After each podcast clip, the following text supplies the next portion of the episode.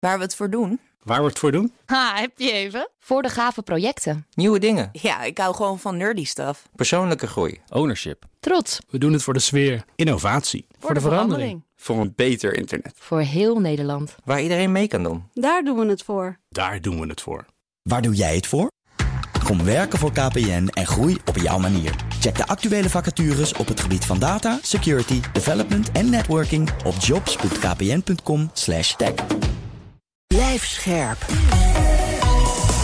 BNR Nieuwsradio. Digitaal. Herbert Blankenstein. Welkom bij BNR Digitaal. Extra lang en helemaal vernieuwd. Vanaf vandaag hoor je ons elke week een uur lang over digitale technologie. Dit keer nemen we Apple onder de loep met een echte liefhebber van binnen BNR. En we bespreken de uitrol van Donald Trumps lang verwachte eigen tegenhanger van Twitter, Truth Social. Straks meer daarover. Nu eerst de hybride oorlog in Oekraïne. Die wordt namelijk zeker niet alleen op de grond uitgevochten. Elke dag zijn er meldingen over cyberaanvallen aan beide kanten. Van relatief simpele DDoS-aanvallen tot destructieve nieuwe wiper-malware. Alle reden om te proberen wat orde in die chaos te scheppen. Wie valt wie nou het meeste aan? En krijgen andere landen, zoals dat van ons, ook een tik mee van het digitale oorlogsgeweld? En daarvoor hebben we vandaag als co-host in deze hele BNR Digitaal Security onderzoeker Ricky Gevers. Welkom. Dankjewel. Uh, Ricky, in de vroege ochtend van donderdag 24 februari, net nog geen week geleden, is Rusland na heel veel speculatie en dreigingen officieel Oekraïne binnengetrokken. Ik zat zelf aan de keukentafel ja. toen, ik, uh, toen het gebeurde, toen ik het hoorde. Um, waar was jij toen? Uh, ik zat op zee op dat moment. En, op zee? Uh, ja, maar het leuke is dat ik eigenlijk de avond daarvoor al door had dat dit zou gaan gebeuren. Oh, jij wist het gewoon? Ja. Dat is ingelicht. Wat, wat, je heel leuk ziet namelijk is dat de digitale aanvallen eigenlijk voorgaan op de fysieke aanvallen. En oh. dat is ongeveer een tijdsverschil van pak een beetje tussen de 4 en de 8 uur. Maar je had ook echt een mental note gemaakt van wacht ja. even, dit gaat gebeuren. Ja, letterlijk. En diezelfde avond heb ik daarover getwitterd van wat, daar nu, wat er nu digitaal daar in, in Oekraïne gebeurt. Het ligt nog vast ook. Is, gaat een grens over, ja zeker. Ja, ja, ja. En uh, dat waren de Wiper-aanvallen op dat moment. Dus op dat moment kwamen er in één keer overal ontstonden er bedrijfjes waarvan alle data verwijderd werd. Wiper-aanval, even uitleggen. Ja, een Wiper-aanval. Uh, wat wel interessant is, de Amerikanen hebben op een gegeven moment een bepaalde definitie gemaakt. Dat noemen ze CNE en CNA. En dat heet Computer Network Exploitation. Dan maak je eigenlijk gebruik van een netwerk. Dat is voornamelijk spionage. En je hebt Computer Network Attack. Dus dan doe je echt een aanval. En de Wiper-malware die maakt zo'n computer dus eigenlijk kapot. En dat is dus, je kan het bijna vergelijken met dat er een bom op een fabriek wordt gegooid. Je maakt die fabriek stuk op dat moment. Dus je maakt niet gebruik van de computers ja. die daar staan, maar je gebruikt die computers om het kapot te maken allemaal. Uh, nou, dat is dus de meest heftige vorm van een digitale aanval die je kan hebben. Uh, in het verleden hebben we dat gezien bij Saudi Aramco bijvoorbeeld in 2012. Toen werd uh, dat oliebedrijf helemaal plat gegooid. Sony Pictures is een keer door Noord-Korea plat gegooid. En we hebben NotPetya gehad, die Oekraïne ook probeerde plat te gooien. Met een heleboel collateral virus, damage. Waar we hier ook mee te maken hadden. Ja, waar we hier heel veel last van hebben gehad. In dit geval is er een nieuwe wiper in Oekraïne die ze losgelaten hebben. Dus die, ze hebben die software eigenlijk opnieuw geschreven en opnieuw uitgevoerd. Er zijn twee varianten overigens van. En het grappige is, als je kijkt naar NotPetya, dan zie je dat heel veel bedrijven tegelijkertijd werden aangevallen dan verwacht je, hè, toen waren we niet in, in de volle oorlog. Nu zijn we dat wel. Dus dan verwacht je dat ze nu misschien uh, dubbelop gaan uitpakken. Maar het lijkt eigenlijk wel relatief mee te vallen. De, de wiper-aanvallen die ingezet zijn, zijn voornamelijk heel gericht geweest. Dus dan moet je echt denken aan defensiebedrijven, vliegvelden, uh, uh, IT-service providers, dat soort situaties. En we hebben een aanval of een bedrijf gezien, een slachtoffer in Letland en eentje in Litouwen. En dat is mm -hmm. eigenlijk de enige twee landen waarbij collateral damage is vastgesteld. Ja. Dus voor Russische begrip is dat heel netjes. Ja, ja, precies precisiewerk, bij wijze van spreken. Hey, toen jij doorkreeg dat deze aanval aan de gang was, wat heb je toen gedaan? Heb je uh, gebeld met Defensie of iets dergelijks? Nee, ik meteen overal. Eigenlijk alleen maar op Twitter gedeeld. Die informatie okay, ja. van nu is er echt wat aan de hand. En uh, ja, Twitter is een uh, ultiem klankbord om meteen informatie natuurlijk van alle plekken te krijgen. Dus dan krijg je meteen informatie van ja, wij zijn ook getroffen, wij zijn daar ook getroffen. We zien het nu ook daar ontstaan. En dat gaat heel snel allemaal. En ja. iedereen wordt dan wel wakker. dus ik heb de hele nacht ongeveer wakker gelegen op dat moment midden op zee. of in de haven dan. Zo. Hoe kwam je aan internet eigenlijk? Satelliet? Nou, ik, ik, lag in de haven, dus ik, ha ik had wel gewoon bereiken. Oh, niet op volle. Nee. Goed. Um, we hebben nog een uh, andere gast op dit moment in deze uitzending. Uh, die is niet hier, maar op afstand. Paul Duchesne, militair jurist. Bijzonder hoogleraar cyberwarfare. Ik wist niet dat hij bestond, maar uh, dat is een hele geruststelling. Aan de Universiteit van Amsterdam. Welkom, Paul. Dankjewel. Hallo. Um, ligt er volgens jou nu meer nadruk op cyber aanvallen of op andere soorten van uh, cybergeweld als beïnvloeding van uh, uh, online media? Um, wat, wat ik zie, en, en, ik volg denk ik dezelfde media als, uh, als Ricky dat doet. Uh, dus onder andere Twitter als platform, uh, om te kijken wat er gebeurt.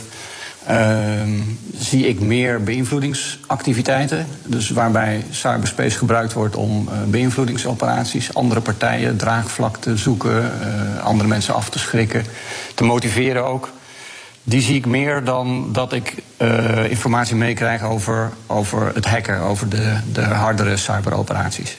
Ja, uh, en, en is dat omdat ze er niet zijn, denk je, of omdat we ze niet zien? Nou, ik, ik, zie ze in ieder geval niet. Dus ik weet niet wat, uh, wat anderen zien die, uh, die dichter bij de, bij, de, bij, de, bij de bronnen zitten, bij de infrastructuur zitten of daar dichter op zitten. Maar het feit dat je ze niet ziet, betekent niet dat het niet gebeurt. Het kan nee, zijn dat het nog niet ontdekt is. Het kan ook zijn dat het niet gemeld wordt. Ja. Om allerlei redenen is dat, uh, is dat mogelijk. Het kan ook zijn dat er terughoudendheid betracht wordt. Ja, Ricky, jij, jij noemde um, de wiper-aanvallen. Ja. Um, de attacks en de exploitation. Zijn, je, je vergeleek dat met een bombardement. Ja. Zijn er meer vormen van, van cyberaanvallen uh, met militaire betekenis, zeg maar? Nou, je hebt die twee eigenlijk. En wat, wat Paul zegt hier is wel denk ik een belangrijk gegeven. We zien uh, van Sandworm. Hè. Sandworm is uh, een van de grotere hackersgroepen binnen Rusland. Weten we wat die kunnen. Die hebben in het verleden dus de, de, de elektriciteitsvoorziening bijvoorbeeld in Oekraïne al platgelegd. Uh, nou, je kan ervan uitgaan dat ze dat op dit moment kunnen. Dus het lijkt een strategische keuze om dat niet te doen. En wat denk ik belangrijk om te weten is, is dat je dus die exploitation hebt. Wat ik net uitlegde, die definitie. Dus dan zitten ze in het netwerk en maken ze gebruik van dat netwerk. En daar komt tevens bij kijken dat als je dat doet, dan ben je niet zichtbaar. Dus die partij heeft niet door dat jij daar zit op dat moment.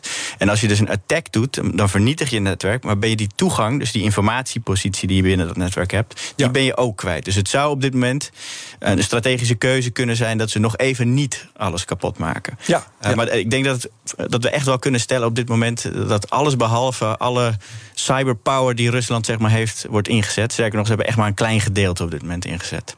Ja, uh, is, is dat ook overigens ja? wel aan oh. bij, de, bij de fysieke uh, uh, activiteiten die we waarnemen? Want er staan heel veel capaciteiten staan er achter de grens klaar of zijn op afstand beschikbaar. Denk aan de luchtmacht en het luchtwapen.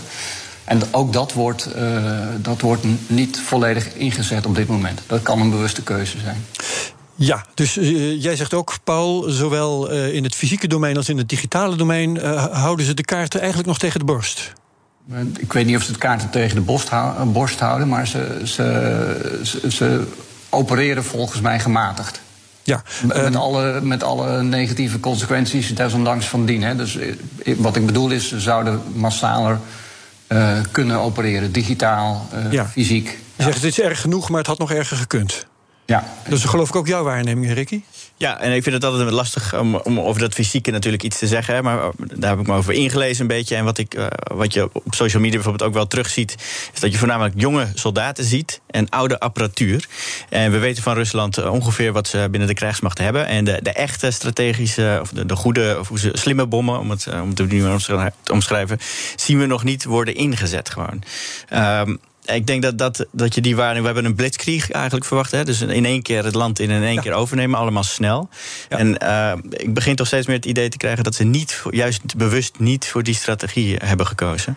Uh, maar dat oordeel is verder niet aan mij te vellen. Verder, over het digitale gedeelte kan ik wel echt absoluut zeggen dat alles behalve de maximale capaciteit van uh, wat Rusland heeft, wordt ingezet. Ja, en wat uh, zou jij zeggen dat de reden daarvoor is? Ja, dat, dat is speculeren. Uh, hm. En sommige mensen, en ik denk zelf dat dat een beetje wishful thinking is. Sommige mensen zeggen dat die FSB-agenten dan zeg maar zijn gedeserteerd en dat niet hebben ingezet om die reden. Ik denk eigenlijk dat het gewoon een bewuste strategische keuze is om nog even te wachten om alle middelen in te zetten. En wat ik net al uitlegde, van als als jij dus uh, een attack gaat doen, dan verlies je je informatiepositie heel, ook heel erg. En die informatiepositie is op dit ja. moment misschien heel belangrijk om te gebruiken. Uh, ik denk dat het voor uh, misschien de luisteraars uh, ook belangrijk is om te weten dat ze hebben niet alleen strategische posities in Oekraïne, maar die hebben ze ook binnen Europa. Dus je kan er echt wel van uitgaan dat ze ergens in parlementen hier in Europa ook zitten. Daar kunnen ze ook allemaal keurig meelezen nu. En op het moment dat jij jezelf kenbaar maakt, dan betekent dat er heel veel informatie over jou uh, gevonden gaat worden. En dan kunnen al die strategische posities kan je dan kwijtraken. Je, moet, je kan het misschien wel vergelijken met als er bijvoorbeeld een nieuw geavanceerd wapen is, een tank Die wordt in beslag genomen zeg maar, door Oekraïne. Dan gaan ze die helemaal uitpluizen van hoe alles werkt en wat daarin zit. En met die informatie kunnen ze de volgende tank veel beter aanvallen. Dat geldt hetzelfde voor het digitale wapen. Ja, ja, ja. Paul Duchesne, um, Ricky heeft uitgelegd wat die wiper malware is en wat, wat die, wat die heeft aangericht. vergelijkt het met bommen. Wordt die, door, met die wiper malware volgens jou een grens overschreden? Um, nou, ik denk dat je, als je daarmee, als je met de vraag bedoelt, stel iemand gebruikt als eerste een wiper uh, om een conflict te starten. Uh, dat is een andere vraag dan wordt er, wordt, er wordt nu tijdens het conflict een wiper gebruikt en hoe kijk je daar tegenaan? Dat zijn twee verschillende dingen. De eerste vraag gaat over wat is de, uh, wanneer start een oorlog? En de ja. tweede vraag gaat over de, de kwestie hoe voer je een oorlog binnen ja, toelaatbaarheid. van het oorlogsrecht. Ja. ja. Die, die Viper kun je in een oorlog gebruiken tegen militaire doelen. Uh, dus militaire communicatiesystemen bijvoorbeeld. Tegen civiele doelen is dat, of civiele objecten, uh, dus civiele communicatieapparatuur, is dat eigenlijk niet toegestaan onder het oorlogsrecht. Ja, en, en bestaan er inderdaad op deze manier ook digitale oorlogsmisdaden? ja, ja, dan, en... dan val je bijvoorbeeld, dan, dan valt de ene partij een, uh, een civiel uh, object aan. wat bescherming geniet onder het oorlogsrecht. Dat, dat is op zich al een, een oorlogsmisdrijf. Ja, en jij zegt de ene partij doet dat. Maar kun je met voldoende zekerheid een aanval aan een bepaalde partij toeschrijven? Uiteindelijk wel. Als je genoeg resources uh, en geduld en tijd uh, besteedt, dan is dat uiteindelijk te herleiden. En dat hoeft geen 100% zekerheid te zijn, maar ja. dan kun je een, redelijke, een redelijke, uh, argument, kun je een redelijk argument maken. Dat is de oorzaak van die partij. En wat zeg jij met dit in het achterhoofd van die aanvallen met wiper malware? kun je niks over zeggen nu. Om welke reden niet? Omdat je nog niet weet waar die iets over kan zeggen. Ja, als er iemand iets over kan zeggen, dan is, dan is Ricky het omdat hij de technische kennis heeft. Ik, ik heb die niet. Ja. Uh, en ik weet ook niet uh, wie nou precies getroffen is en uh, wie daar verantwoordelijk voor zou kunnen worden gehouden. Omdat ik de technische route niet ken die gevolgd is en de methode van aanvallen niet, niet ken. Ja, wat kun jij daar nog over zeggen, Ricky? Komen. Um, waren het burgerdoelen die zijn getroffen. Uh, weten we zeker genoeg dat het de Russen waren? Nee, op dit moment weten we dat niet heel goed. Dat komt omdat die, uh, nee, er zijn twee varianten van wiper malware op dit moment uh, gevonden. Van de oudere weten we inmiddels wel dat er met enige zekerheid valt te zeggen dat Rusland daarachter zit. tegelijkertijd kan je afvragen welk ander land gaat op dit moment bedrijven in Rusland natuurlijk wipen. Ja. dus in dat opzicht, if it looks like duck, weet je wel dat gezegde zeg maar. Ja. Maar die, die malware moet helemaal onderzocht worden. En uh, ik denk dat het belangrijkste is dat die malware compleet nieuw is. Uh, redelijk vers gemaakt, om het eventjes zo te noemen. En dat zorgt er vaak ook voor dat het echt een stuk lastiger wordt om die malware te relateren aan een partij. Maar er gaat heel veel tijd over. En het kan zomaar zijn dat er uh, morgen ergens de data gelekt wordt. Of dat de Russische overheid wordt gehackt. Of dat er bekend ja. wordt wie of wat. maar tot nu toe dus gewoon onzekerheid op dat op, nu, op dit moment onzekerheid. Ja. je hebt twee partijen die hier het meest druk mee bezig zijn. Dat zijn ESET en Symantec. die hebben de grootste visibility in Oekraïne. Dus die hebben de antivirussoftware daar het meest geïnstalleerd. Uh, die praten, en dat zeg ik even uit mijn hoofd, dus pit me er alsjeblieft niet op vast. Maar ongeveer 50 bedrijven die hier slachtoffers van zijn geworden. Zij weten dus exact welke bedrijven dat ook zijn. En helaas laten ze aan ons niet weten welke bedrijven dat zijn.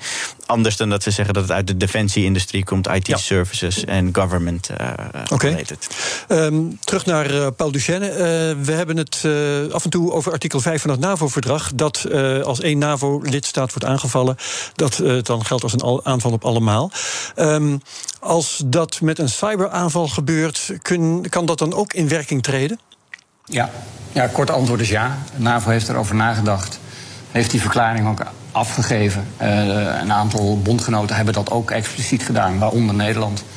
Als de consequenties van een digitale aanval uh, zeer ernstig zijn, en dan zijn er allerlei handvaten, uh, worden er links en rechts door staten aangereikt om, om dat een beetje handen voeten te geven. Als de consequenties zeer ernstig zijn, dan kan die politieke beslissing kan die kant uitvallen. Ja. een politieke beslissing, hè? dus het hoeft niet zo te zijn. En wanneer is iets ondersteund door technische gegevens, eh, neem ik dan toch aan? Ja, zeker. De technische gegevens die eronder liggen. Je moet dan weten wat is de omvang van de, van de schade, wat is het, eh, wat is het effect van de aanval, hoe is de, hoe is de aanval verlopen. En, en weten we zeker genoeg van wie het vandaan komt? Ja, wie is er verantwoordelijk voor? Als je niet weet uh, wie verantwoordelijk is, kun je daar ook weinig over, over zeggen als je wil reageren. Ja, ik wilde tot slot graag het even hebben over uh, de aanpassing van de veelbesproken sleepwet, waarin de Tweede Kamer een meerderheid voor lijkt te zijn. De inlichtingendiensten zouden dan makkelijker bevoegdheden uh, kunnen krijgen, zoals afluisteren van de kabel en zo. Um, wat, hoe moeten we dit zien? is dat verstandig onder de huidige omstandigheden? Is dat logisch en begrijpelijk? Of is het een overdreven reactie en staat onze privacy weer eens op het spel?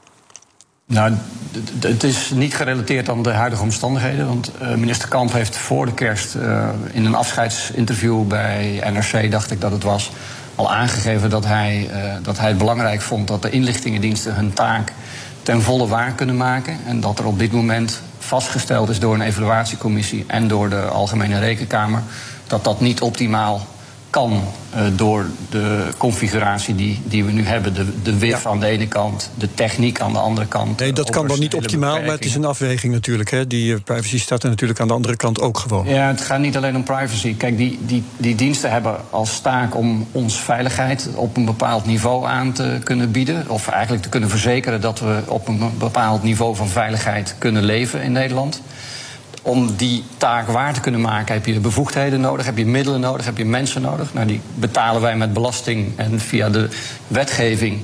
De wet op de inlichting en veiligheidsdiensten beschikken ze over bevoegdheden. En daar profiteren wij met z'n allen van. Ja. Uh, onze privacy is geen stuiver waard als je die niet in vrijheid kunt uh, en in veiligheid kunt genieten. Ja. ja. Oké, okay. um, hartelijk dank. Paul Duchesne, militair jurist, bijzonder hoogleraar cyberwarfare aan de Universiteit van Amsterdam. Digitaal. We gaan verder praten over de technologiekant van de oorlog in Oekraïne. Beter gezegd, de gevolgen van de Russische invasie. De maatregelen die grote techbedrijven nemen, al dan niet onder politieke druk, zijn haast niet te missen. Ursula von der Leyen riep als voorzitter van de Europese Commissie afgelopen weekend op tot een Europese boycott van Russische staatsmedia RT, Russia Today en Sputnik. In haar woorden was het de leugens om Poetins oorlog te rechtvaardigen mogen niet langer verspreiden in de Europese Unie. Hoe dat vorm zou moeten krijgen, ja, dat is nog niet eens bekend. Maar Meta, Google en Apple die um, deden meteen al het nodige door diezelfde Russische media te weren van Facebook, van YouTube en van, uit de App Store. Ja, wat moeten we daar dan van vinden? Uh, is dat al te haastig of niet? Gaan we nu ook bespreken met Menno Wij. Is hier wel vaker, techjurist van BDO Legal. Welkom Menno. Dankjewel, Howard. Overigens nog gefeliciteerd met het format van een uur. Vind ik heel leuk. Ja, dan kun je ook weer langer aan het woord komen. Daarvoor zei ik het niet. Maar. Nee, maar het is wel een gevolg mede daarvan. Um, die technologieplatforms, lopen die nou niet op de zaken vooruit? Uh, is als zij zelf initiatief nemen, uh, dan geen sprake van willekeur? Moeten ze niet wachten op regels? Uh, nou, twee dingen. Want die regel is er inmiddels, daar kom ik zo wel even op terug. Um, maar met bijvoorbeeld sowieso het fenomeen nepnieuws, hè, waar dit natuurlijk ook een beetje onder wordt gehangen. Ja. Um, is al eerder een afspraak gemaakt met zelfregulering met grote spelers in Europa. Van joh, ga nou wat actiever optreden tegen het fenomeen nepnieuws. Maar uh, volgens mij is het nieuws dat uh, een oude verordening uit 2014, uit mijn hoofd 833-2014 voor de liefhebber, dat die zeg maar uit de kast is getrokken en is aangepast. En dat is gewoon een directe Europese wet. En daar is een artikel toegevoegd, namelijk, nou ja, je mag niet faciliteren, maar even in platte woorden dat uh, dus die staatszender Russia Today en Sputnik... dat dat wordt uh, uitgezonden op wat voor manier dan ook. En elke partij die daar nou ja, op internet of met een tv-zender iets mee doet... dat mag niet op straffen van. En twee, het is gewoon met de namen van die organisaties in ja. een regel gezet? Ja, er staat gewoon een bijlage oh, in. En, en is dat nu actief? Uh, nou, die verordening die is er. Dus, um, um, en die heb ik zelf zeg maar, nou, eigenlijk net voor de uitzending gezien en even gescand. Uh, volgens mij is hij er al eerder vandaag uh, ook al gekomen.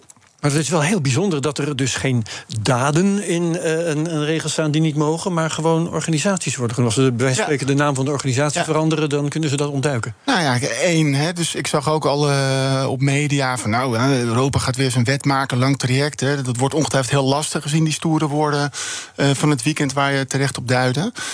maar kennelijk heeft Europa bewezen dat als het moet, dat ze extreem snel kunnen schakelen en gewoon een Europese verordening hebben aangepast. Het, wat ik niet 100% zeker weet is of dan zeg maar, dat wel allemaal is goedgekeurd. Maar mijn indruk is, zeg ik toch even wat voorzichtiger, dat deze nou ja, aanpassing wel uh, in werking is getreden. En ik heb, meen ik, ook een beslissing van de Europese Raad, de European Council, gezien. Ja. Die op hetzelfde neerkomt. Ehm, maar wat dan de juridische waarde van het besluit is, vind ik weer wat lastiger te duiden. Uh, het, is, het is wel heel interessant, want um, het feit dat ze organisaties noemen en geen uh, nou ja, uh, dingen die niet mogen, um, voorkomt wel een probleem, namelijk dat je het moet gaan hebben over wat waar is. Een juridisch probleem. Uh, ja, nee, hier wordt gewoon gezegd... deze zenders uh, ja. moeten van Europa af. Hè, of okay. linksom of ja, rechts, ja, wat voor manier nou. Klopt. Wat is nou het, sorry, Ricky, het concrete gevolg? Wat, wat gaat dat nu zijn? Nou, even aannemend dat deze verordening, deze wijziging van een oude verordening, dat die wijziging in werking is getreden, dat is wel dat ik even, dat voorbeeld moet ik wel even maken. En zo niet zal dat ongetwijfeld gaan gebeuren. Uh, maar laten we aannemen dat die gewoon geldt. Uh, heb ik ook gezien dat als je daar aan meewerkt, dat je daarvoor nou, een straf kunt krijgen, een boete. Hè, dat is typisch Europa, gewoon boetes uitdelen. Dus je moet nu, als je onder de strekking valt als partij, nou, we hebben het over de Facebooks en de grote social media platformen heb ik al gezien, die vallen daaronder. Die moeten nu verplicht meewerken. Dus het maakt in die zin hun leven makkelijker. Dat ze zeggen, ja, hallo, uh, er is kennelijk een wet in Europa... en dan moeten we het met z'n allen maar mee doen. Ja. Um, en het gevolg is dus dat het, als het goed is, hoe moeilijk misschien ook zeg maar, in de praktijk handhaafbaar. Hè, internet is natuurlijk grenzeloos. Uh, en je kunt heel makkelijk met technische dingen omzeilen. Maar uiteindelijk is natuurlijk de bedoeling om ervoor te zorgen dat deze propagandatelevisie, zoals ook in dat uh, besluit staat, er dus in Europa gewoon er niet is. Vanwege dus nepnieuws en ja. beïnvloeding. Okay, ja. Dus op Facebook ga ik geen filmpjes van Russia Today meer zien en op Twitter geen tweets meer van Russia Today. In ieder geval geen uitzendingen van, uh, van, die, van die televisie. Dus en, gewoon televisieuitzendingen. gewoon dan. Wat zeg je? En in Amerika dan nog gewoon wel. Uh, als Amerika niet die wetgeving heeft, dat weet ik echt oprecht niet. Maar als daar niet dezelfde wetgeving is en uh, dat is nog steeds een free country, dan kan dat daar dus wel. Maar dit is, dit is echt nou, een Europese wet. Is okay. dit nou onderdeel van het steeds meer uh, beschouwen van sociale mediaplatforms als uh, redactionele organisaties, als uitgevers? Nou, het, ze zeiden dus niet, hè, dat vond ik ook gisteren een goede discussie hier bij BNR, gistermiddag. Uh, een krant heeft een bepaalde uh, redactionele eindverantwoordelijkheid, creëert natuurlijk gewoon grotendeels zijn eigen content. En uiteindelijk doet een user-generated platform doet dat niet. Uh, maar de tijd van vroeger, dus we hadden een regel in 2000 met u bent niet aansprakelijk als platform tenzij, je bent echt platformneutraal. Ja, die is inmiddels wel verlaten. Ja. En Europa gaat in steeds meer stappen als het ware verantwoordelijkheid en zorgplicht geven aan die platformen om nou ja, uh, iets te doen met die content. Als die content linksom of rechtsom niet door de beugel kan, en, wettelijk gezien. En maakt het dan nog uit of uh, het wordt gedaan door een organisatie, uh, Russia Today, noem maar op, of door een individu? Want er zijn genoeg individuen die aan propaganda doen, of in elk geval die propaganda herkauwen. Nou, in mijn optiek wel. Want uh, we vinden kennelijk in Europa iets van de Russische staatstelevisie of Russia Today. Maar ik denk wel dat nog steeds uh, het naar Russische maatstaven gewoon daar een nou ja, rechtsgeldig fenomeen is. En, ja. en dat je zegt, wij willen af van trollen, fake news. Hè, dus poppetjes die niet bestaan. Of poppetjes die inderdaad als persoon iets roepen wat, hè, wat echt onzin is en wat niet kan. Daarmee zeg je ik dat het niet zou uitmaken, organisatie of individu. Sorry, dan ben ik niet duidelijk. Het maakt ja. voor mij wel uit. Want ja. een mediazender heeft ook weer een bepaald, in ieder geval vanuit Europese en Hollandse uh, begrippen, een bepaalde zeg maar, verantwoordelijkheid. Uh, maar dat betekent ook dat je dus een bepaalde vrijheid hebt, zolang je aan die verantwoordelijkheid houdt. En om nu te zeggen, wij willen dat gewoon een Russische televisiezender, uh, die nogmaals naar die maatstaven Rusland volgens mij volstrekt legitiem opereert, die gaan we bannen. Dat vind ik wel echt fundamenteel iets anders dan we hebben moeite met een tweet van mij of van jou, uh, omdat ja. daar fake news in staat. Maar nou zijn uh, Sputnik en Russia Today dus nu de facto geblokkeerd. Um, nou, voor Poetin geen probleem, stel ik me voor, want die, zijn, die zet gewoon honderdduizend individuen in die ongeveer hetzelfde gaan doen. Nou ja, dus terecht. Uh, volgens mij ook gisteren al in de kranten. Hè, uh, uh, hoe is dit handhaafbaar? Dus, en dat blijft natuurlijk een kat-en-muisspel. wat ik me wel nog hardop afvraag, als je me toestaat, Herbert, is. Ehm, er is natuurlijk nu al zeg maar, regulering vanuit Europa omtrent wat moeten videoplatformen doen. Hè? Dus met je mediawetgeving. Nou, ja. Wat zijn de regels voor user-generated platforms? Ik vraag me af of met dit besluit of met deze wet, hè, nogmaals als die geldt, tot in hoeverre ze daar zeg maar, uh, nou ja, um, tegen dus dit soort regulering en wetgeving ingaan. Dus heeft Europa zich voldoende beseft en nagedacht over deze, dit besluit, we willen gewoon deze televisiezenders weg uit Europa. Staat dat niet misschien toch een beetje haaks op bestaande uh, wetgeving, een regeling vanuit Europa, omdat ze zo snel hebben gehandeld? Ik vraag me dat hardop af. Ik weet het niet. Het zou me niet verbazen. Ja, ja. Um, en daaronder ligt dan de vraag, want uh, dit, dit regelen is uh, eigenlijk een kleine moeite, dat, dat is gebleken. Um, is dit nu in dienst van de objectieve waarheid? Is die er? Of uh, is dit toch meer een cultureel verschil tussen Europa aan de ene kant en Rusland aan de andere kant? Want ik denk dat in Rusland grote groepen uh, denken dat uh, Europa hier zijn eigen propaganda zit te rechtvaardigen. En ja. heel ten onrechte Russische informatie blokkeert. Nou ja, sterker nog, ik heb het dus al gelezen bij andere media. Dat nou ja, ook experts op mijn gebied zeggen van ja, weet je, wat is het probleem met bepaalde propaganda in een oorlogstijd? En dat wij dus daar nu iets van vinden, dat is dus nogal wat. Dus ik ben het volledig met je eens. Eigenlijk doen we een beetje hetzelfde als wat Rusland. Uh, dus er was vandaag ook in het nieuws dat de laatste twee onafhankelijke zenders in Rusland dan ook uh, dichtgegooid worden. We gaan eigenlijk censureren, hè? Ja, dus het is waar, precies hetzelfde, maar dan omgedraaid. Exact, exact. Ja. Dat is ook, de journalisten zijn er ook. Oh, sorry. Ja, ja. Oh, nee, journalisten zijn dus ook terecht. Hebben een kritische brief gestuurd. Hè. Doen wij nu eigenlijk niet waar we voor staan, wat we nooit willen, namelijk tevoren censureren? Nou, daar lijkt het wel op. Oké, voor dit moment bedankt. Blijf bij ons voor deel 2 van BNR Digitaal. Daarin praten we door over social media regelgeving. En dan vooral die op het nieuwe platform van Donald Trump. En met collega Martijn de Rijk uh, gaan we Apple bekijken. En het plezier dat die techreus hem nog altijd bezorgt. Een nieuwe rubriek getiteld Laat mij maar even. Tot zo. Blijf scherp. BNR Nieuwsradio. Digitaal. Herbert Blankenstein. Welkom terug bij BNR Digitaal. Vanaf deze week hoor je hier elke week een uur lang het belangrijkste technieuws. Nu dus deel 2 van deze editie. Bij ons in de studio is nog steeds security-onderzoeker. Vandaag ook co-host Ricky Gevers. Dankjewel. Dat je er nog steeds bent. Ja. En onze gast is technologiejurist Menno Wij van BDO Legal. Dankjewel. Hallo. En we gaan nu door naar onze nieuwe rubriek. Laat mij maar even. Ja. Hoi. En degene die wij even gaan laten is Martijn de Rijk. Uh, verslaggever bij BNR, groot Apple-adept. Iedere week ja. hier podium aan een gewaardeerd collega met een groot hart voor technologie. Welkom dus. Uh, en uh, jij hebt voorgesteld om het te gaan hebben over jouw liefde voor Apple. Ja, waarom? Staat hier in mijn draaiboek. Maar ik kan het wel snappen, omdat jij ja. zoveel liefde hebt voor Apple waarschijnlijk. Ja, zeker. Ik ja. ben een, uh, een vreselijke gelovige snop met te veel geld. Dus ja. Dankzij je baan bij BNR, dat is ook goed om te horen. Ja. Precies het beeld dat ik daarbij heb, hoor. Bij Apple liefhebber. Apple is de Mac, iPod, iPhone, iPad. Um, een recenter product dat niet iedereen zal kennen, dat is de AirTag. Dat is een ja. GPS-label. En daar heb jij een verhaal over. Nou, ik kan hem ook even laten zien. Het is, uh, ik heb hem hier aan mijn, uh, aan mijn sleutelbos hangen. Dat is een beetje net hetzelfde soort ding als waarmee we hier ons toegang uh, verschaffen ja, tot het zo'n druppel. Ja. En die kan je dan. Het, het, is, het ziet er een beetje uit. Als, als je niet uitkijkt, dan denk je dat het een Mentos is. Oké. Okay. Ja. en dat ding dat. Bij jou in huis ook al gedaan, gemaakt, die vergissing? Nee, gelukkig niet. Nee. Want ja, nou ja, aan de andere kant, dan kun je altijd uh, zien waar de kinderen uit hangen. Dat zou wel eens een voordeel kunnen zijn. Ja, is dat een dure vergissing eigenlijk? Dat is ongeveer 35 euro dure vergissing. Dus dat is te overzien. Hij komt er ook weer uit, hoor. Ja, dat, ja. precies, uiteindelijk. Ja, maar wat was het verhaal? Nou ja, dat, dat ding dat, uh, dat maakt contact via alle andere iPhones ja. in uh, het land... Uh, en kan dan zijn locatie doorgeven. En dat zie je dan op je telefoon waar is dat apparaat? Als ik, dit, als ik die sleutelbos nu ergens op de redactie uh, neerleg, dan wijst mijn telefoon me aan, nou, hij ligt precies daar achter die plant. Ja? Met behulp van de andere iPhones van in de buurt? de andere iPhones in de buurt. Dus of als het die... aan de andere kant van de stad is, dan doet hij het de bezitters van die iPhone, al die iPhones hoeven daar geen toestemming voor te geven? Nee, dat gaat gewoon uh, uh, anoniem. En dat Hebben is er ook niet geen last van? Met, met, uh, het klinkt als iets wat ik kijk even naar Menno trouwens. Ja, dat is met, met, met, met publieke en privé. Mag dat wel, Menno? Ja.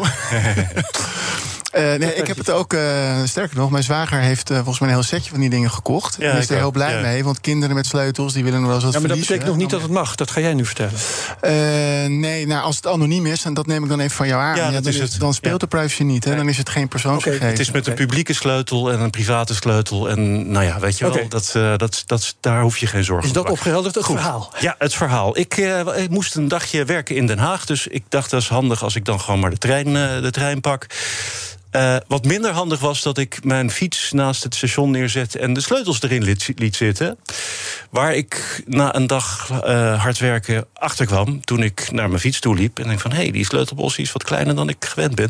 En dan krijg je dat zinkende gevoel van: oh god, zou mijn fiets er nog staan? Nou, die stond er dus inderdaad niet meer. Maar ik had een tracker op mijn fiets zitten. Dus ik keek op mijn telefoon en zag dat hij uh, ongeveer drie kilometer verderop, nou ja. uh, om de hoek bij het uh, Onze Lieve Vrouwen gasthuis in West in Amsterdam, mijn fiets ergens tegen een huizenblok aanstond. En was dus, gewoon even geleend. Ja, zo heet dat dan, hè, als je je fietssleutels laat liggen. En, uh, dus ik ben stomend ben ik, uh, die kant uitgelopen met al mijn spullen op mijn rug. En, en uiteindelijk heb ik hem daar gewoon teruggevonden. Jammer genoeg had ik natuurlijk geen fietssleutels bij me. En heb ik dus, want hij stond gewoon op slot. De, de eigenaar, die, de nieuwe eigenaar, was wat okay, conscientieuzer dan juist, ik. Ja, ja, ja. het, het, was donker. Ik heb die fiets gewoon op mijn rug gel geladen. En ben met dat ding naar huis gelopen. Gewoon zo, ik heb mijn fiets terug. En gewoon dat idee dat die persoon die die fiets geleend heeft... uh, de deur uitloopt en dan denkt van... hey, waar is mijn fiets nou? Is gestolen. Mijn fiets is gestolen. Kijk, dat is gewoon... Hè, dat vind ik een zeer bevredigend. Uh, ja, een fantastisch verhaal. Kan zo in een Apple-commercial. Maar nu, uh, deze dingen, deze AirTags, die zijn ook wel het middelpunt van een discussie. Ja. En die gaat over privacy. Want er zijn ja. mensen die uh, stoppen dat stiekem in de tas van hun partner. Ja. Om te kijken of die geen gekke dingen doet, bijvoorbeeld. Ja. ja. Nou ja, en dan, dan, dan is het inderdaad. Kijk, Natuurlijk zitten er privacy-problemen aan zo'n ding. Hè? Natuurlijk ja. kun je daarmee dingen doen die, die niet horen. Maar is dat de schuld van de fabrikant? Nee, uh, nee uh, natuurlijk is de fabrikant er verantwoordelijk voor dat hij ervoor zorgt dat dat niet kan. Nou, dit soort trackers die bestaan al veel langer. Tile bijvoorbeeld, dat is de bekendste en de ja. grootste. Voordat Apple met het ding kwam, heeft die tracker al jaren op de markt. En in die jaren hebben we nooit iets gehoord over de privacykanten van. Oh, jij, jij gaat zeggen, nu Apple het doet, is het ja. een punt. Eh, ja. Precies. Kijk, en Omdat ze niet alleen dat, publiek mee bereiken. Niet alleen dat, niet alleen dat. Het is ook nog eens zo dat Apple wel nagedacht heeft over die privacy. Want op het moment dat ik hem in jouw zak stop, dan gaat dat ding uh, na verloop van tijd gaat die lopen piepen. Mm -hmm. Die gaat jou waarschuwen. En jouw telefoon die zegt ook op een gegeven moment van... nou ja, oké, okay, goed, het is nog niet helemaal Android-ready... dus daar moet je een aparte app voor hebben als je een Android-telefoon hebt. Ja. Maar die gaat dan tegen je zeggen van... hé, hey, uh, je wordt al een tijdje gevolgd door een tracker... Uh, uh, weet je dat? En dan kun je zeggen van ja, dat weet ik. Dat, is, uh, dat zijn de dus autofoto's van mijn tegen die muur zou ook vroeg of laat uh, aan Die zou zijn gaan piepen geslagen. En, en, Als je juist weer niet wil, want dan gaat de dief... Nee.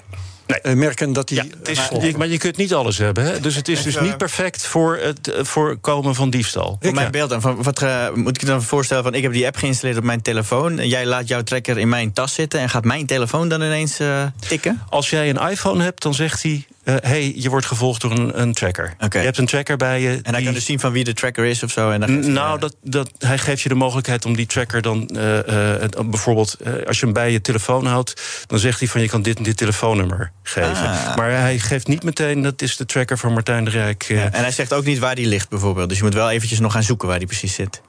Nou ja, je kan hem dan met je telefoon zoeken. GPS-nauwkeurigheid. Ja, precies. Nee, dat is, hij gaat piepen, toch? Ja. Zei je. Ja, en dan gaat piepen. Geluid ja. maken, ja, ja, maar als iemand in een vakje ja. vaag verstopt heeft of wat dan ook, dan vind je hem misschien niet meteen. Nee, nee precies. Maar uh, dat. Ben er wat ook een vraag? Ja. Ja, ik dacht eerlijk gezegd dat de discussie ook was. Niet alleen uh, stop ik uh, zo'n uh, tag in de portemonnee of in de tas van mijn vrouw.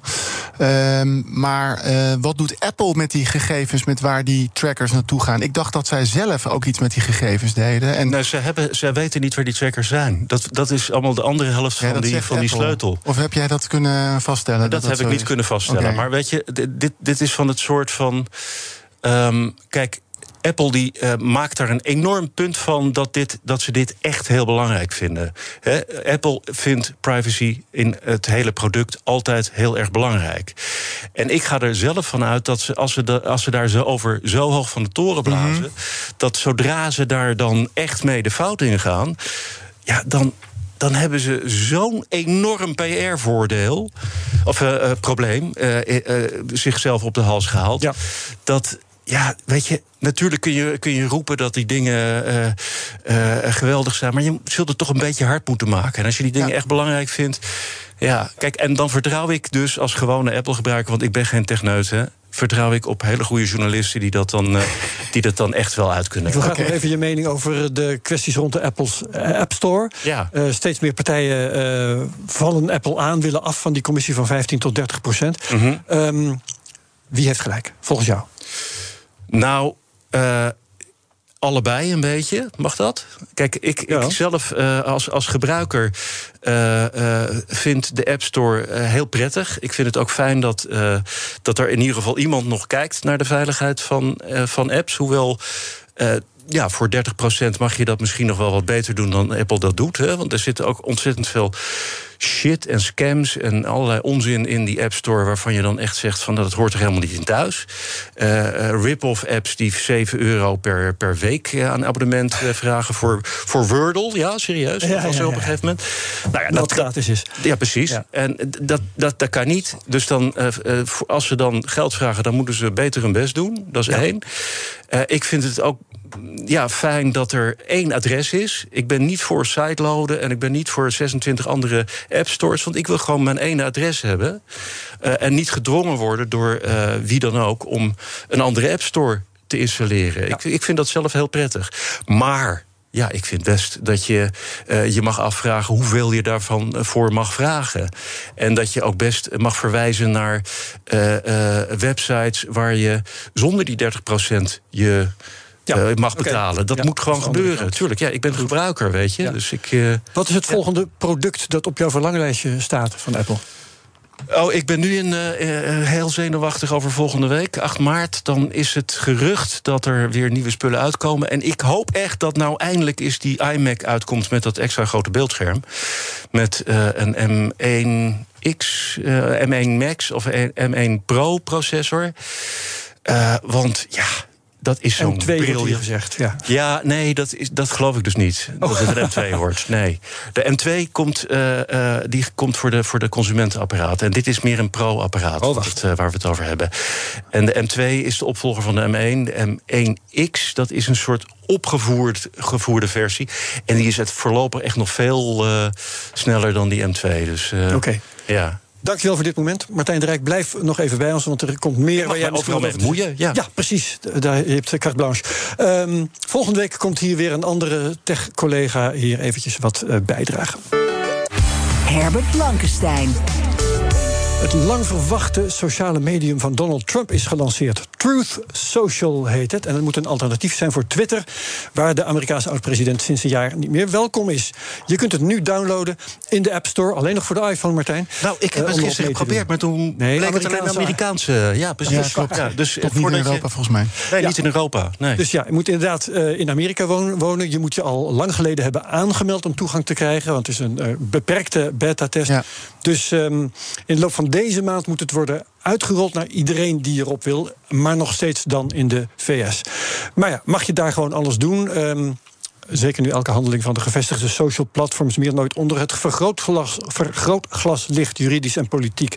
Nou, mennen wij van Video Legal, um, wat gaat Trump hier eigenlijk anders doen dan op andere platforms? Nou, niet zoveel. Want als Trump zegt: ik wil uh, deze app uh, ook naar Europa halen, dan uh, kan hij hoog en laag springen. Maar hij zal zich moeten houden aan de regels die hier gelden.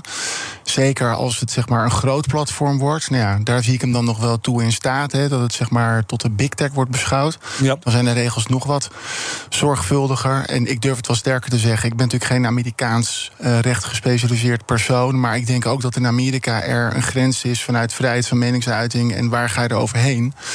Uh, en dat hij ook daar met Amerikaanse wetgeving uh, rekening zal moeten houden met zijn uh, ja. Truth ja. Social. Wat wel vermakelijk is, um, hij heeft een, een, een, sociaal medium willen maken zonder censuur. Maar nog voordat er ook maar één tweet geplaatst was, werd een Matt Ortega eraf gegooid omdat hij een account had gemaakt ja. waarvan de naam de spot dreef met de directeur van Truth Social. Ja. Nee, ja, volgens mij zodra je zeg maar, tegen Trump ingaat, dan, uh, dan heb je sowieso een probleem. Ja, ja, ja. kennelijk ook op zijn, uh, op zijn platform. En, en ik ga even iets citeren uit zijn ja? gebruiksvoorwaarden. Truth Social's terms of service include a ban on anything that could disparage, tarnish or otherwise harm. Dus schade doen. Uh, in our opinion, ja. to us and or the site. Dus Ja. alles wat in on, naar onze mening Precies. ons schade doet, Ja. dat mogen wij Ja. eraf gooien. En laten we eerlijk zijn, in zeg maar soortgelijke bewoordingen doen Facebook, Twitter, LinkedIn doen dit ook. Eh, en dat is het dus het punt dat ik wil maken. Ehm, eh, het, waar die het verschil zou kunnen maken is met hoe pas je dit in de praktijk toe. Nou, in dit voorbeeld doet, doet, doet hij het dus niet anders dan wat wij in Nederland ook hebben gezien met LinkedIn. Heb ik ook Ja. een annotatie over geschreven over die zaak van Van Haga. Je wordt Van eh, Haga had, eh, on- ik zal maar even zeggen, onware informatie, ging geloof ik over COVID, eh, gepubliceerd. Ja. En de rechter heeft gezegd dat hij ehm, die onware informatie niet mocht, had mogen publiceren, Klopt. maar dat toch wel zijn account moest blijven bestaan. Exact. En op het moment dat je natuurlijk, nou, neemt Trump ook weer, hè, als je iemand definitief van het platform aftrapt, dat heeft natuurlijk best wel wat consequenties. Zeker als je op dat moment zelfs de president bent. Ehm, maar dat is een live ban. Ehm, en je kunt natuurlijk niet zomaar, vermoedelijk gestuurd door een algoritme, zeggen: Nou, vanaf nu ben je niet meer welkom, dikke doei. Dus van het een of het andere moment iemand eraf gooien, zonder dat je eigenlijk weet wat je verkeerd doet. Ging even een haakje naar Volt. Ehm, hè, ik weet niet wat ik verkeerd doe, maar ik word er wel levenslang van afgetrapt. Dat kan dus niet zomaar. Eh, in ieder geval niet in Europa. Eh, maar ik denk dus nogmaals dat in Amerika dat ook eh, iets, iets genuanceerder ligt. Ja, ja. Nou, Martijn, zo te horen hoef je het niet te gaan proberen, want het is oude wijn in nieuwe zakken. Ja, nou, ik denk mooi. eerlijk gezegd dat de, de belangrijkste eh, innovatie is dat Trump zelf er weer op zit. Ja, toch? Ja, Want en hij dan- zit niet meer op Twitter. En eh, ja, dat vraag ik me dan nog wel af. Eh, is het nou zo dat je eh, op Truth Social ook automatisch Trump volgt? Nee, voor zover ik weet niet. Nee, nee, nee.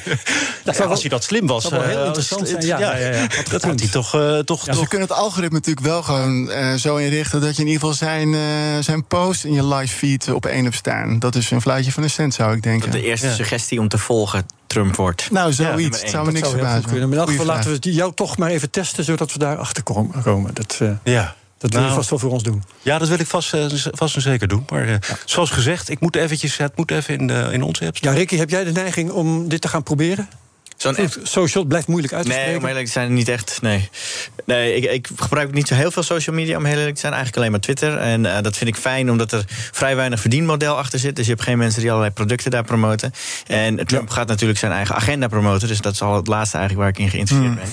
Ehm, ja, ik, ik denk dat Twitter redelijk neutraal is. Ik vind het een beetje vreemd dat ze wel zo'n Trump ervan afgooien. Hoor, omdat het, het is niet zo dat hij geen invloed in onze wereld heeft. Dat hij dingen heeft gedaan die niet kunnen, dat is zeker ook waar. Eh, ik vraag me vooral af.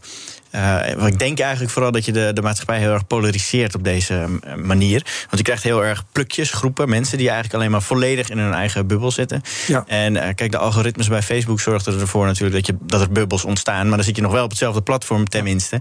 En nu ga je die bubbels eigenlijk van elkaar loskoppelen. En ik denk, maar dat- wie ben ik, hè? dat weet ik gewoon niet. Ik denk dat het niet eh, voor ons allemaal niet, niet goed is. En dat we vooral met elkaar in gesprek moeten blijven.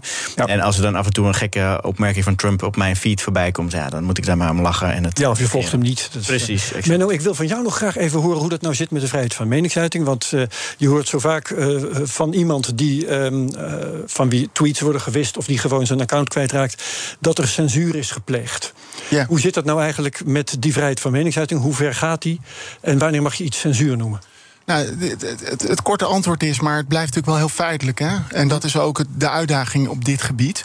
Eh, dat eh, de vrijheid van meningsuiting valt in principe altijd gewoon in positieve zin uit, tenzij. Dus het mag tenzij. En het tenzij is, eh, eh, is het grievend, onnodig grievend, is het in strijd met een andere wet of iets dergelijks. En daar moet je dus in die, in die afweging kijken, waarbij ook meespeelt, ben ik een wel of geen publiek figuur. Dat is bij Van Hagen dus ook weer meegewogen. Mag je nou meer of minder? Nou, je moet als pol- nou, politicus heeft in de Tweede Kamer natuurlijk eh, veel meer ruimte dan zeg maar publiek. Maar dus daardoor publiek ook wel meer ruimte. Maar ook daar, je zei het al, uiteindelijk mochten die eh, berichten mochten niet teruggeplaatst worden. Dus ook dat is beschermd. Ook omdat je natuurlijk wel weer een beetje Als je voetballer bent bijvoorbeeld, dan wordt juist voorbeeldfunctie. Daar Precies, nee, exact. Dus dat, dat klopt. Ehm, maar die, die, dat, is, dat is en blijft een lastige afweging die uh, altijd afhankelijk is van ja, de omstand. Ik haat dat antwoord, maar dat afstand ja, je zegt van, vaak, van het geval. Ja. Uh, ik probeer het zoveel mogelijk te voorkomen, want dan heb je niet zoveel aan als je naar me zit te luisteren. Uh, maar dat is bij die vrijheid van meningsuiting echt wel het geval. Maar hij is dus niet, niet gewoon onbeschermd en onbegrensd. Uh, en dat is natuurlijk ook best lastig voor een platform die niet, hè, waar we het eerder over hadden, een krant, zeg maar, een soort van eigen verantwoordelijkheid heeft om die afweging te moeten maken. content. Ja, ehm, maar wat, wat, wat mij dus stoort, is op het moment dat je in je eigen spel. Dus even los van de vrijheid van meningsuiting. Maar als jij in je spelregel zet. Je mag geen uh, dingen in strijd met de wet doen. of die uh, schadelijk kunnen zijn. Hè, wat je net ook voorlas. Wat bij Trump gebeurt. Hè, dat staat ook nogmaals bij LinkedIn en Twitter en Facebook, dan moet je ook wel die eigen spelregels handhaven. En dat is waar het volgens mij aan schort. En dat het op een manier gaat hè, dat je, je krijgt te horen wat je verkeerd hebt gedaan. Gewoon, dit is het feit. Hier heb je ja, het juridisch transparantie. Juist, transparant. Maar hier is het kader waarin staat in artikel 2, bullet 7, uh, Roman uit 88... staat dat u dat en dat niet mag doen. Nou, u heeft dat gedaan. Als wij dat analyseren, komen wij tot de conclusie... u heeft de spelregels geschonden. En dat je misschien eerst eens een gele kaart krijgt... en dat je dan eens een rode kaart krijgt. Haal het maar weg. Of we gaan je eens een tijdje even schorsen. Maar van de ene andere moment gewoon meteen bam, hè, een live ban... zonder dat je weet wat je verkeerd doet. Anders dan een geautomatiseerd bericht. U heeft onze spelregels geschonden. En à la de paarse krokodil kom je nergens terecht. Dat is wat ik in de praktijk vind wat niet goed gaat. Ja, uh, er zit een Digital Services Act uh, ja, aan te komen. Ja. Uh, in, in, Brussel zit die in de pijplijn. Ja. Um, wat zegt die over het beleid van social media platforms? En met name het punt van die transparantie. En okay, dat komt ook. dus wat aardig is in die Van Haga-zaak, is dat zeg maar die toekomstige wetgeving is al meegewogen. Hè, dus dat is, vind ik altijd wel mooi. Dat recht zegt, nou, het is weliswaar de toekomst, maar het weegt het, weegt het wel mee. Dat je transparant moet zijn over wat zijn je spelregels. Nou, dat, dat rommelde daar ook wel een beetje. En nou ja, als je net voorlas met hoe Trump dat op zijn app wil gaan doen, dat blijft ook uiterst vaag. Ja. Uh, en soms mag het, maar nou ja, waar het concrete kan graag. Plus twee. Uh, uh, sorry, dan ben ik even van me apropos. Okay. Dat krijg je als je me veel te veel zendtijd geeft. dat is het. Maar, terug naar een half uur. Nee. terug naar een half uur, dat is misschien makkelijker. Uh, maar we moeten het sowieso nu afronden. Okay, tijd is om. Sorry, Herbert. dus het komt eigenlijk uitstekend uit. Okay, nou. Dankjewel, Menno Wij. Uh, dankjewel, Ricky Gevers. Voor, voor het, uh, de functie van co-host vandaag. Dankjewel, Martijn de Rijk, BNR-collega. En tot zover BNR Digitaal. Terugluisteren via bnr.nl, onze app... of via de podcast-app die jij gebruikt. En daar vind je ook mijn andere podcasts. Zoals de Cryptocast, De Technoloog en Space Cowboys. Space Cowboys deze week met de invloed van het conflict in Oekraïne op de samenwerking met de Russen in de ruimtevaart. Bijvoorbeeld bij de Europese Marszonde ExoMars, die jaren uitstel oploopt. Vanaf vanavond staat die podcast online. Wat BNR Digitaal betreft, heel graag tot volgende week. Ook Liesbeth Staats vind je in de BNR-app. Ja, heel handig. Luister live naar Kees en mij tijdens de Daily Move. Dan blijf je ook gelijk op de hoogte van breaking news en het laatste zakelijke nieuws. En daar vind je ook alle BNR-podcasts, waaronder de Perestrooikast. Download nu de gratis BNR-app en blijf scherp.